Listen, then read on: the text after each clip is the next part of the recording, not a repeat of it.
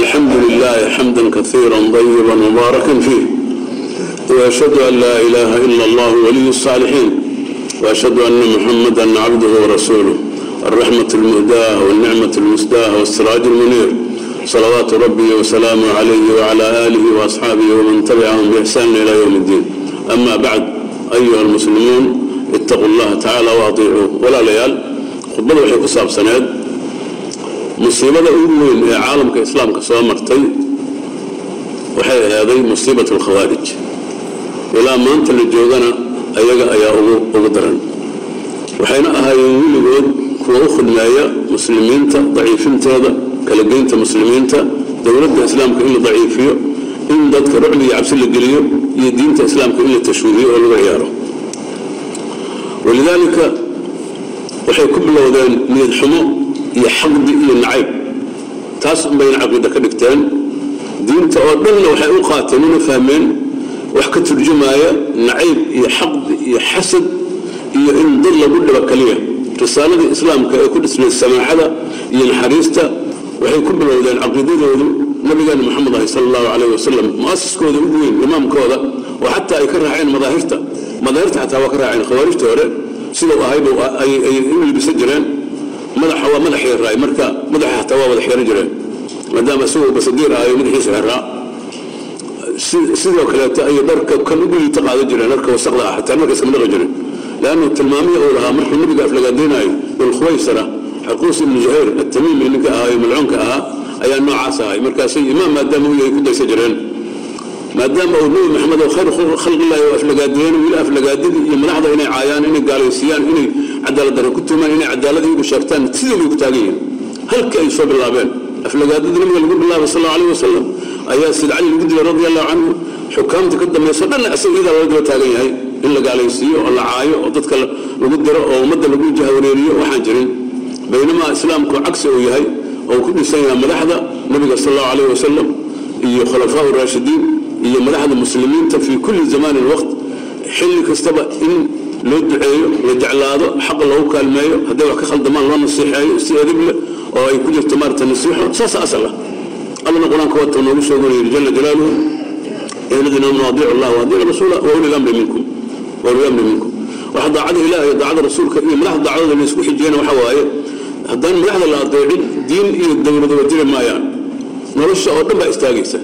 Walidaalika ayaga daacadooda waxaa lagu xiraa wixii xaq ah oo macruufa waxay ku khaldan yihiin oo diinta ay ku khilaafaan waa loo naseexaynaya si eedaba ay ku jirto. Marnana ma bannaana in dagaal lagala hor yimaado. Taas waa la isku raacsanya ijmaacu lmuslimiin waay. Maxaa yeele dagaalku fasaad iyo dil iyo dhiig umu daadinaya waxba ka soo bixi maayaan. Xataa culamada islaamka u yidhaahiin nimankii thawraadka sameeyey xataa khawaarijta kale maana qaar badan oo kale thawraad sameeyey.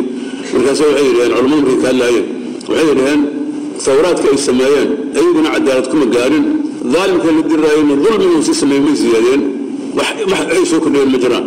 Marka waxba lagama faa'iido dagaalada iyo colaadaha madaxda lagu qaado sideeda waxba lagama faa'iidaba waa dadka isku sii naca ummadda ku kala tagta qaar madaxday raacayaan qaar mucaarifkay raacayaan waa laysdilaa annagana dee waa soo tijaabinaba annagaaba baraad ku soo aragnay ilaa hadda dhibaatadii colaadii ka dhalatay jabhadii iyo dowladdii ayaan weli maraheedii dhiibaynaa annagu tamankeeda bixinaynaa xanuun maxaa yeelay nidaam faasida oo siyaasiga ayuu ahaa oo asigana qoray ku dhisan iyo dil isagana nidaamka ku dhisnaayaa lagala hor yimid. Markaasaa laysla wada dumay. Calaa kulli xaal ayuha alikhwa waxay u soo noqonaysaa nabiga khawaarijtii baan ka hadlaynay. Khawaarij marka afar arrimood loo qaacida ah ayaa laga degsaday markii la arko xumaantooda. Dabcan xumaantooda waxaa u horeysa nabiga aflagaadayay sal allahu alayh wasalam nabiguna tilmaamo ayuu ku sheegay tilmaamihiina waa ka soo wada baxeen kulligood ilaa yowmina hada culammada islaamku waxay ka yidhaheen maanta khudbada qaybtaanaan ku qaadan doonaa insha allah. Arrinta koowaad horta waxaa waaye sid cali dileen radi allahu canhu sagaaliyo tobankii bishii ramadaan sannadkii afartanka markii hijrigu ahaa oo waafaqsaneed kow iyo labaatankii todoba labaatankii bishii janaayo lix boqol lixdan iyo kow miilaadiga maalintaas waa maalintii ilaahay oofsaday sid cali radi allahu canhu oo ah koonka inta joogta qofku ugu khayr badnay xilligaas inta nool isaga ugu khayr badnaa. Dabcan waxaa ka khayr badnaa nabiga sal allahu alayh wasalam iyo ambiyada laga hadlima taas waxaa ka khayr badnay sida abubakar iyo sida cumar iyo sida cusmaan saddexduba saddexduna waa dhinteen waa ka horreeyey isaga la fadli ah koonka markaas ma noolaba. Ninkii sidaas ahayo afdal lkhalqi ahaa ama afdal lbashar ahaa fi dalika alwaqt xilligaas la joogo oo inta nool ah dabcan inta nool ayay jannan ku raasayna yidhaheen sii dileen. Waa jannada ilaa hadda masaajidda irdooda iyo gudahooda ay ka googoobayaan oy dad ku laynayaan oo beenta wahmiga ah. Calaa kulli xaal sida cali markay dileen iyo intaysan dilinba dagaal ayay islaamku muslimiintu isku raaceen. Sida cali oo nool hogaaminaya waxaa lagu ijmaacay markii axaadiista nebiga uu ka yiri la arooriyey kooxdan nebigu inuu xukumayba isagaa xukumay. Wuxuu ku xukumay dil ayuu ku xukumay iyo warjaafid in la laayo qaala sal allahu alayh wasalam wuxuu yidhi lain adraktuhum haddaan heliin lahay la aqtulannahum qatla caadin wa fii riwaayatin wathamuud reer caadi reer thamuud sidii loo laayan leelahay macnaheedu waxbad kama reebeen waay. Wuxuu kaloo yidhi faqtuluuhum ana wajadtum meeshaad ku heshiin ku dila qatlahum fii qatlihim ajrun liman qatalahum qofki dila ajr ayuu ka helaya qofki qofkay dilaanna isagaa ajr helaya qofkay dilaanna jannada ayuu gala waa shay qofka iyaga dilana ajruu leeyahay marka waa waa qaatilkooda iyo maqtuulkooda qofkay dilaan iyo qofka asigu dila labadaba ajir ku seegi maayo sidaas yarkaasa la gaarsiiyo si loo si loo xoojiyo dilkooda iyo iyo layntooda ajirka ku jira maxaa yeele waa waa bakteriya ummadda ku dhex jirta waay waa jartuuma dowladnimo ma ogola diintii waa tashuuhiyeen ummaddii waa kala geeyeen amniga ammaan ma ogola horumar iska badaa marka waa cadow dhulka dushiisa saaran waay intaas markii laga soo tago sida cali markii ay dileen radi allahu canhu muslimiintii waxay go'aansadeen waxda ayay ka qaadeen. Khawaarijtii markalka shardidooda wiilkii sharafta badnaa oo nabiga awoga u aha sal allahu alayh wasalam xasan ibn cali bn abi aalib ibnu faatimati zahraa go'aan ayuu qaata isaga arigiisii waxay yidhaheen waqti la iskhilaafa lama joogo marka wuxuu u tanaasulay qiyaadadii markaas jirtay oo iyadana dhinaca kalete shaam joogta mucaawiya ibn abi sufyaan radi allahu canhu ardaa saxaabigu weynaayo xakiimka ahay caaqilka ahay ninkaasaa kelimadii ay ku midowday sanadkaas waxaa loo bixiyey caam aljamaaca halkaas culammada waxay ka qaadanayaan waxay leeyihiin khawaarij waxaa lagula dagaalami karaa jamaaca midaysan. Laxanna waxaa sayd xasan waxay u tanaasuleen liajli cadowgaas aabbihiis dilay inaan yani korkooda lagu dagaalami karo muslimiinta muslimiinta u midowdo asaguna sulbidii ka tanaasulo oo weliba nin uu ka fadli badan yahay asagu ka tanaasulo leanna waxaa waaye sayd xasan waa ka fadli badnaa ahlulbeyd waaye waa nabiga duriyadiisi. Waa sayidu shabaab aljanna waaye isaga iyo xasan xuseenba. Marka darajadiisu aad u saraysa maca dalika waa cirqigi waxaa ku jira dhacaanka nabiga ku jira sal allahu alayh wasalam maca dalika waa tanaasuleen liajli dowladda in la xoojiyo.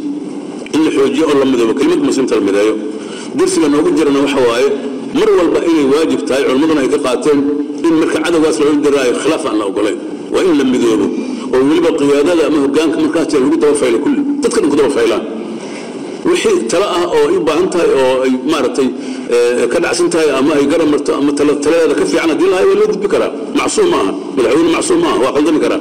Waa in loo gudbiyo la yidhahdo waxaas waxaasaa ka fiican talada adayso. Asaguna waa inuu markuu talooyinka arooriyo mid ugu fiican u qaataa waa amru mashhuura baynahum macnaheedu intaas waaba shuruudu waa taasba. Waa inuu talooyinka arooriyo baarlamaanka dhegaysanaa xukuumadda dhegaysanaa wuxuu dhegaysanaa golayaasha kaleeto shakhsiyaad kaleeto saraakiisha ciidamada garsoorka. Markuu dhegaysto talooyinka arooriyo majaal walba dadka ikhtisaaska u dhegaysto go'aanka madamaysa asagaa iskale waana lagu ixtiraamo. Kugu arko marka in danta ummaddu ku jirta asagaa ku dhifanaya marka. Saas la yeelu leeyahay markuu dhegaysto kabacdi may aniga taladii waxba qaada waayo qof dhigi karta ma jirto. Leanno talada inuu kaa dhegaysta waajib ku amaahine inuu adiga taada qaato waajib kuma aha.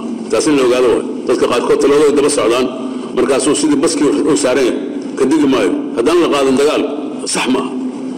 Waa fahm dowlad la'aanta iyo nidaamka shuurada waa fahm qalada laga fahamsan yahay waaye. Xataa nidaamka hadda reer galbeedku ay ku socdaan dimuqraadi u bixiyeen nidaamkaas ma ogola waxa weye qofku ra'yigu leeyahay laakiin go'aanka waxaa qaadanaya majaalisa oo rasmigaha qaadanaysa hay'adaha qaadanaya ulul amriga qofka dalka ugu sarreeya ayaan haddana go'aanada intood badan iskale isaga qaadanaya.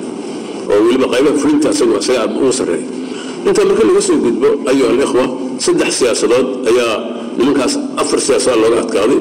Midda koobaad waxa waaye in diin ahaan loo caddeeyo inay baadi yihiin. Saxaabadii o dhan baa isku raacday. Taabiciintii o dhan baa isku raacday. Hal saxaabi iyagoo milyan ka badan saxaabadu waagaas nabiga sal l slam boqol labaatan kun la xajisay ogeedeen intaan xajino muslimiintana boqol jeer ka badnaa inta xajisay xajku dadka dhan muslimiinta ma wada karaan. Marka maxaad u oranaysaa sida xilligiisa inta soo islaamtay oo futuuxaadka islaamka sida cumar xilligiisa dhacday oo soo islaamtay oo sida cusmaan sii socotay oo sida cali xilligiisa intuu nolay waa malaayiin muslimiinta ka mida. Malaayiintaas oo in badanoo ka mida in fiican ay saxaabo ahaayeen oo lay dhici karto nus milyan ama ama rubuc milyan ugu yaraan.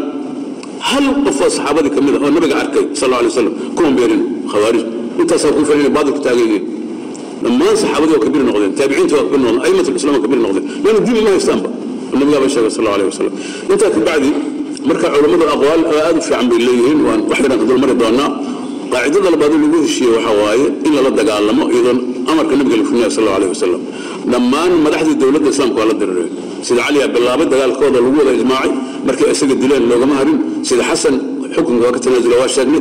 Sida mucaawiya bilaaba sii wada dagaalkii sida mucaawiya waxaa ka dambeeyey wiilkiisa yaziid ahay dagaalkuu sii waday. Waxaa ka sii dambeeyey marwaana ka dambeeyey dagaalkuu sii waday.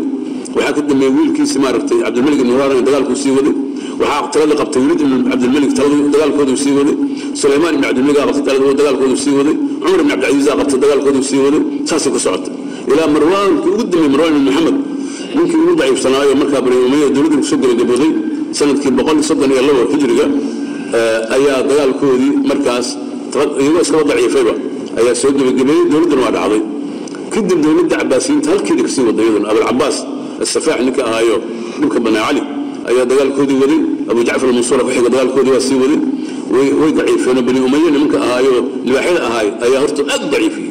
Kuwaana waa dhammaystireen muddaa laga nastay mar dambay noolaadeen haaruun rashiid xilligiis haddana. Haaruuna dagaalku sii waday wiilkiis mahdi ayaa ku sii wada isaguna marka jaziira carabiya dhulkaamna waa ka guureen waxay u guureen meel la yidhaahdo maqrib alcarabi oo galbeedka africa tribul ka dhigteen xarun. Meeshaasay degeen iyo dhulkaas oo barbarkay aad isugu fidiyeen. Marka qodobkaasna qodob asaasi u ahaayo dagaalka madaxdu inay dagaalka sii wado. Madaxdana de waxaa ugu khayr badan ajri badan baa ugu jira inay nimankaas la dagaalamaan oo nabiga sal alay wasalam ayaa rajeeyo tamaniyey wuxuu yidhi haddaan la kulmi lahay waa la dagaalami lahay buu yidhi. Marka wixii nabiga uu tamaniyey bay marka iyaguna u taagan yihiin ajri bay ka helayaan waana midda hadda maasha allah madaxdeenu ay ku taagan tahay. Qodobkaasna qodob muhiima waay qodobka saddexaadna waa qodob laysku wada raacay in isaguna uu asaasi ku yahay si loo jeliyo ah in khilaafka meesha laga saaro. Hore baa soo hormarna waa ku sii daraynaah in khilaafka meesha laga saaro. Xataa dowladda qofka ka soo horjeeday khawaarij dagaalkeeda mugul la bilaabo khilaafka meelaha inta la dhigtaa dhammaan dagaalka la isugu wada tagaayo waxaa u daliila cabdullahi bin zubayr radi allahu canhu saxaabiga dhalinyarada ahay oo asmaa binti abubakar ay dhashay zubayr bin cawaamna uu dhala laba qofoo jannada loogu bishaareeyo tobanka ka mid a ayaa wada dhaleen maaragtay min awow u yahay. Midna aabbow yahay oo abubakar awowgiis waaye oo dee saxaabada ugu fadli badan bacda nabiy sal l slam isaguna ku soo xiga. Zubayr ibn cawaama tobanka jannada lagu bishaareeyo midna aabihiis waaye. Cabdullahi bin zubayr dowladda bani umayya ka soo horjeeday markii dambena dhiigaaba dishayba. Laakiin maca dalika markii khawaarijta uu la diriraayay hal maalay kaloo dagaalamayan kulligood xataa nin la yidhahdo muhallab ibnu abi sufra oo asaga barasaab u ahay ayaa markii dambe haddana barasaab u noqday maaragtay yaziid u noqday barasaab oo dagaalkii sii waday hal maalay kaloo dagaalamayay ciidankoodii. Iyagoo dirirsan bay haddana khawaarijta la wada diriraayeen walidaalika culamadu waxay yidhahdeen layskuma khilaafo dagaalka khawaarijta in war ka yimaado maaha waa in dagaalkooda meel laga wada galo. Qodobkaas qodob qodobka afraad oo muhiimka waxa waaye qodobka isaguna ah qabaa'ilka mucaawiya wuxuu amar ku bixiyey dowladda islaamkuna isku raacday culammaduna ay fatwo ku bixiyeen qabiilkii ayaga la safta oo wax siiyo oo garab siiyo oo gabaad u noqda in iyaga laga mid dhigo oo lala dagaalamo. Niman la yidhaha reer kuufa isku daya ciraaq jooga mucaawiya warqada u qoray adag warqadda markii la gaarsiiyena waa ka joogsadeen waa arkeen in go'aanku aad u adag yahay. Laa amaana lakum cindii in lam takufuu can bawaa'iqikum uu yidhi. Agtayda wax ammaana kuma liidina macnaha dagaal aan ku iclaaniya way lala diriraa haddaadan gacansiintaad khawaarij gacansiinaysiin aadin joojina iyo inaad maaragtay aad soo dhaweynaysiin markaasay soo tuureen markaasay maaliga ciraaq ka joogaan intay waayeen waxay ku carareen buuraha ka dambeeya ciraaq khalfigeeda oo kurdiga. Buurahaasay galeen dhinaca kalena waxay u sii gudbeen khuraasaan intay joogi waayeen. Azerbaijan halkaas buuraha iyo armenia ayay galeen. Marka sidaasaa waxaa la rabaa dhammaan in qabaa'ilka iyo dadka deegaanada joogaan ay kulligood dowladda ku garab istaagaan in nimankaas lala dagaalamo. Oo aan cidna aysan gabaad marka arrintaasu aaday muhiim u tahay. Aqwaasha culammada waa aday badan tahay laakiin afar qowlaan ka soo si aan u fulin ballanqaadkeenna. Dagaalkii waxaa ka mid a cumar ibn khadaab radi allahu canhu xilligiisii way baqaayeen oo bannaankii soo dhigay dabcan xilliga nabigay bilowdeen watan soo sheegnay ninka hogaamiyahooda xilliga nabiga uu joogay. Laakiin sayid cumar nin aad u adag u ahay qoorta ku goyn lahaa hadday bannaanku soo bixi lahayn marka meelay warka qur'aankii hoos u akrinayeen iyagoo dadka ku khaldaaya markaasuu wuxuu yidhi sida camr bn ashid uu warinaayo waxaa soo saaray daarimin fii sunani wuxuu leeyahay cumar bn khadaab inahu sayatii waxaa imaan doona naasun dadaa imaan doona yujaadiluuna kula doodaya bilqur'aani qur'aanka markaasuu wuxuu yidhi fakhuduuhum bisunan idinku sunnada ku qabta sunnada kula dooda axaadiista laga wadaa sunnada. Maxaa yeelay sunnada ayagu inta badan ma yaqaaniin. Axaadiista ma akhristaan. Oo aragta aayad qur'aan oo aysan macnaheeda fahamsayn inay soo boodayaan. Markaasuu yidhi idinkuna axaadiista iyo nabiga ficilkiisa iyo qowlkiisa ku qabtuu yidhi radia allahu canhu waardaa fa ina asxaaba sunan aclamu bilkitaabi yidhi.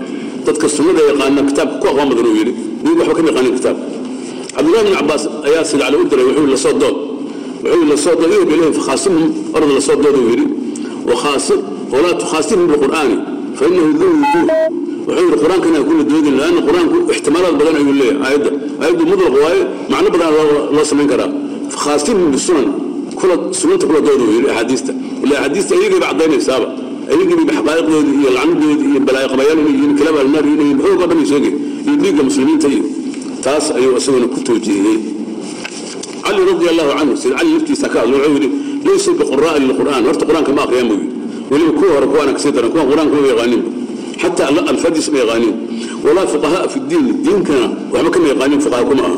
Walaa culamaa fi tawiil tawiilka oo tafsiirka ahna waxba kama yaqaanin walaa lihada alamri saabiqatun fi lislaam arrinkan ay wadana islaamka weligiis laguma arkin dhexdiisa laguma arkin wallaahi buu yidhi sida cali radi allahu canhu low wallow calaykum haddii laydin dhiibi lahaay ama low wallow calaykum haddii madaxdiin noqon lahaayeen la camiluu fiikum camala kisra wa hiraqli waxay dhexdiina ku samayn lahaayeen wixii kisra iyo hiraqli ku samaynayeen dadkoodii dadka intay fursa u karkariyaan ay gelinayeen qofka hor yimaada ra'yigooda. Ila dawaaqid bay ahaayeen. Saasoo kale idin laqmi lahaayeen uu yidhi waa mid ay hadda ku dhaqmaan khawaarijtu wahab ibnu munabbah sinka ahaa isaguna qiimaha badnaa taabiciga wuxuu yidhi wallahi inii adraktu sadra alislaam islaamka bilowgiisa soo haleelay buu yidhi. Fawallaahi ma kaanat alkhawaariju jamaacatan qad weligeed kooxdan khawaarijta meel isuguma tegin ilaa faraqahum allahu ilaahay baa kala gey jira yidhi calaa shari xaalaatihim. Ayagii baa isdiidaya oo sida uxun u kala tegi jiray walow makana allahu lahum ra'yahum. Haddii ilaahay ra'yigooda uu awood gacanta u geli lahayna lafasadat alardu walaqadacat asubul walxaj wadooyinkuna waa goy lahayn xajna lama aadin dhulkuna waa fasaada laha yidhi. Markaasuu aayadda qur'aanka aqriyey allah wuxuu yidhi walowlaa dafcu llahi nasa bacdahum bacdan lafasadat alard marka sidaasay culimadu uga degaayeen sheekh islam ibnu taymiya wuxuu yidhi asaguna walkhawaariju awalu man kafara almuslimiin. Khawaariju waa dadka ugu horreeyey oo muslimiinta gaalaysiiyey buu yidhi. Wayukafiruuna man khaalafahum fii bidcatihim. Qofkii bidcadooda ku khilaafana waa gaalaysiiyeen uu yidhi. Wayastaxiluuna damahu wa maalahu dhiiggiisa iyo maalkiisa waa banaystaa allahu akbar. Inuu hadda sheegaad qabtaa kuwaan hadda maanta jooga. Qofta ra'yigooda ka hor timaada dhiiggiisana waa banaysanaya maalkiisana waa banaysanaya waa dilayaan mujarad aad khilaafta kaliya iyagaaba isdila sooma. Ibraahim afqaan iyo aawey macal muraani inuu godanaa dilay ra'yigooda hor yimidaan kaliya. Dhiiggan aan yaraynin dhimaageen xoogo dadkan aan u turno. Markaasuu yidhi daacadaad ka baxdeen weli amriga. Ila waa wada mujrimiin ijraamkooda ilahay baa isku diray. Wuxuu yidhi zuhayr wamaa min yudni ilaa yadullaahi fawqa. Walaa daalimin ilaa sayulla biadlama yani awoodi ma jirto ilaa awood ilahi baa ka saraysa daalimna ma jiro ilaa midka dulmi badan lagu salidaa buu yidhi. Marka iyagaa dulmi isku bahaystay kii ugu dulmi badnaa ku kala cunay marka. Marka sidaas ayuu yidhi cabdullahi ibni cumar ibni khadaab ninkii qiimaha badnay ayaa ka hadlo wuxuu yidhi waa sharu lkhalqi si nabigu sheegay sal allahu alayh wasalam wa innahum indalaquu ilaa aayaatin min kitaab illahi aayada ilahi kitaabkiisa ku jira oo ku soo degay gaalada fajacaluuha cala lmuslimiina muslimiinta ay yeeleen buu yidhi yukafiruna muslimiin muslimiintay gaalaysiinayaan wayasaxluuna dimaahum dhiigooda banaysanayaan waa maalamiyo xoolahooda wayankiuuna nisaaa fii cidadihinna haweenkiina ciddadooda dhexdeeday ku guursanayaan ma rumaynaysiin hadda inay gabdhaha ayagoon ninkooda intay dilaan ay iyagoon cido tirsan ninkii dileen mugtooda habeenka dambaysa guriga la gala waxay ka male sidii bay weli wadaan dhaqankii wadaan fatatiihim almar'ata haweentaa u imaanayso yidhi fayankixa rajulu ninkaa guursanaya minhum walahaa zawjun zawj ayay leedahay منك قرسنا منهم ولها زوج زوج أي لا هاي إذا من أي من أنتير وقالوا له سك حيسان سوس قرسنا أما منك أنت دلوا منك أما كنت مسؤول عقل قلا لأنه واحد دون علم مجران وحوري والله لا أعلم أحدا أولى بالقتال منه والله ما أجيبه يري عد كهبون كواس إنه ودره نجرته انت أصلا سوق خلاصيننا إلهي وحن كبرنا تعالى إنه ذلك كظاهره madaxdeenna iyo dowladeenna iyo golayaasheenna qarankana uu dadaalka ay ku jiraan ciidamadeennaba ilaahay inuu maarata garabkooda istaago shacabkeedna ay ku daba faylaan. Saluu wasallimuu calaa nabiyina maxamed